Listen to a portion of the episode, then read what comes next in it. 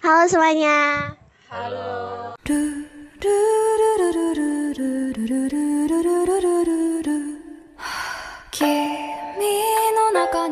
Oke semuanya selamat datang di podcast New Podcast yang mendiskusikan hal yang pernah ramai dan kami mendiskusikannya ramai-ramai Iya nggak? Iya, benar. Ya biasanya podcast yang ditanya tentang kehidupan sendiri atau dunia perkaipopan or budaya populer Jepang Tau lah ya salah satu yang populer di Jepang Anime, anime. Sebelum lebih jauh lagi, boleh dong kami kenalan dulu mulai dari aku, Sabatun. Kalau mau lanjut, boleh follow IG aku SBTN23 underscore head. Terus ada Natasha Nopi, say hi dulu dong. Hai. Halo. Lanjut ada Weni, Anyang Weni. Annyeonghaseyo. Oke, let's Anjan Ruben, say hi dulu dong. Hai. Oke, terima kasih atas perkenalannya. Sekarang kita akan ngebahas tentang Citaim Fashion Week yang dikaji dalam teori Max Weber. Kami mengambil teori Max Weber karena teori ini merupakan tindakan sosial yang konsen pada motif dan tujuan. Dengan pendekatan teori ini, kita akan mampu menelaah perilaku seseorang maupun kelompok dalam melakukan tindakan. Kita tentu memahami bahwa semua tindakan mempunyai motif dan tujuan yang berbeda. Dan di sinilah poin pentingnya mengkaji teori ini. Oke, kita mulai ya. Ngomongin tentang Citaim Fashion Week, mau tahu dong awal ramenya di mana? Eh, yang mau jawab duluan siapa nih? Aku aja yang jawab. Oke, Natasha boleh dijawab.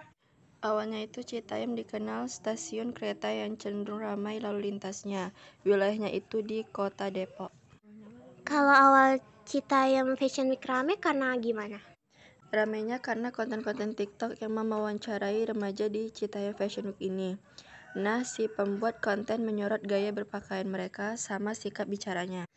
Oh gitu ya, emang sikap bicara mereka gimana? Mereka tuh kalau lagi diwawancarain kakinya tuh kayak ada yang nggak bisa diem, gerak-gerak terus kan jadinya ngakak. Iya iya iya ya, bener nggak bisa diem ya kakinya. Iya, Kalau awal yang bikin ramenya itu siapa? Setahu saya bermula dari konten creator yang dikenal dengan Ale. Dia mewawancarai salah satu remaja di Citayam Fashion Week, terus mengupload videonya ke TikTok.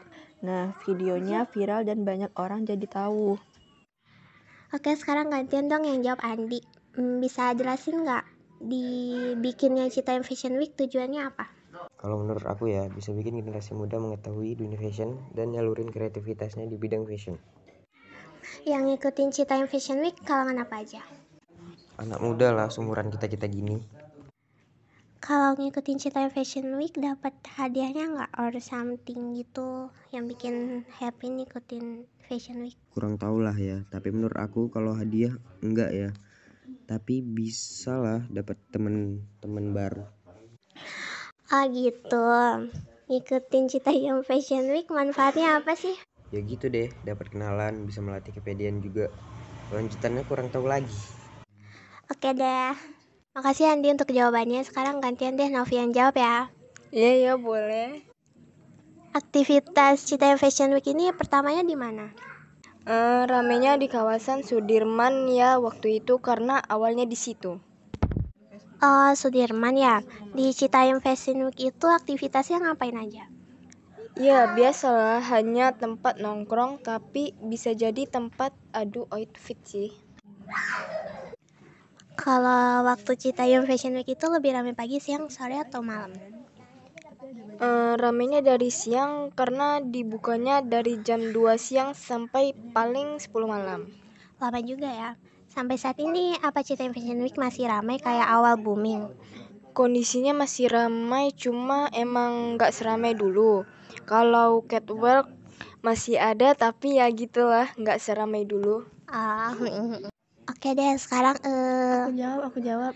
oke oke oke. Sekarang Wendy yang jawab ya. Makasih untuk jawabannya Novi. Next, pendapat masyarakat dari segi fashionnya gimana? Respon masyarakat baik karena banyak anak muda berkreasi dengan fashion. Tadi kan respon masyarakat kita. Sekarang kalau respon masyarakat luar gimana? Masyarakat luar juga merespon baik, bahkan takjub dengan adanya Citayam Fashion Week karena banyak anak remaja menggunakan fashion dan gaya baju yang dibuat sendiri. Bagus banget ya Citayam Fashion Week ini. Kalau respon masyarakat dalam bidang ekonomi gimana? Kalau dalam perekonomian sih warga yang berjualan pastinya berharap jangan ditutup karena bisa menarikkan sektor perekonomian. Usaha mikro, kecil, menengah, salah satunya yang dalam bidang makanan dan minuman. Wah, respon masyarakat baik ya ternyata tentang Citayam Fashion Week. Sekarang aku mau ngebahas tentang dampaknya dari Citayam Fashion Week. Yang jawab ganti ya. Sekarang dia sama Ruben. Oke, Ben. Iya. Lanjut. Bagaimana dampak negatif selama adanya Citayam Fashion Week? Sebenarnya Citayam Fashion ini dinilai berpotensi membuka peluang tindakan kriminal dan sebagainya, tetapi belum ada kabar tentang seperti itu. Yang terpentingnya, mereka yang di sana bisa menjaga diri. Kegiatan ini berdampak bagi jalan nggak? Nah, ini berdampak negatif banget. Contohnya, itu bikin macet karena aktivitas Citayam Fashion Week ini zebra cross tentu saja mengganggu kendaraan yang lewat. Bikin macet ya jadinya. Iya, benar. Kalau dampak bagi masyarakat luas gimana? Kurang tahu ya, tetapi waktu lagi ramenya Citayam Fashion Week, posisinya ini lagi COVID. Nah, seharusnya mengur- mengurangi kerumunan sama menggunakan masker. Kalau ada yang terkena COVID, kan terjadi tambah bahaya lagi. Iya ya bener bisa nularin penyakit bahaya banget.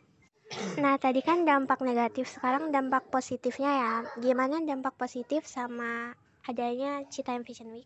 Citayam Fashion Week ini merupakan sarana remaja men- mengungkapkan diri melalui sebuah fashion. Kalau untuk masyarakat sekitar positifnya apa? Kalau dampak positif yang mengikuti Citayam Fashion Week itu apa? Mereka bisa bersenang-senang kali ya.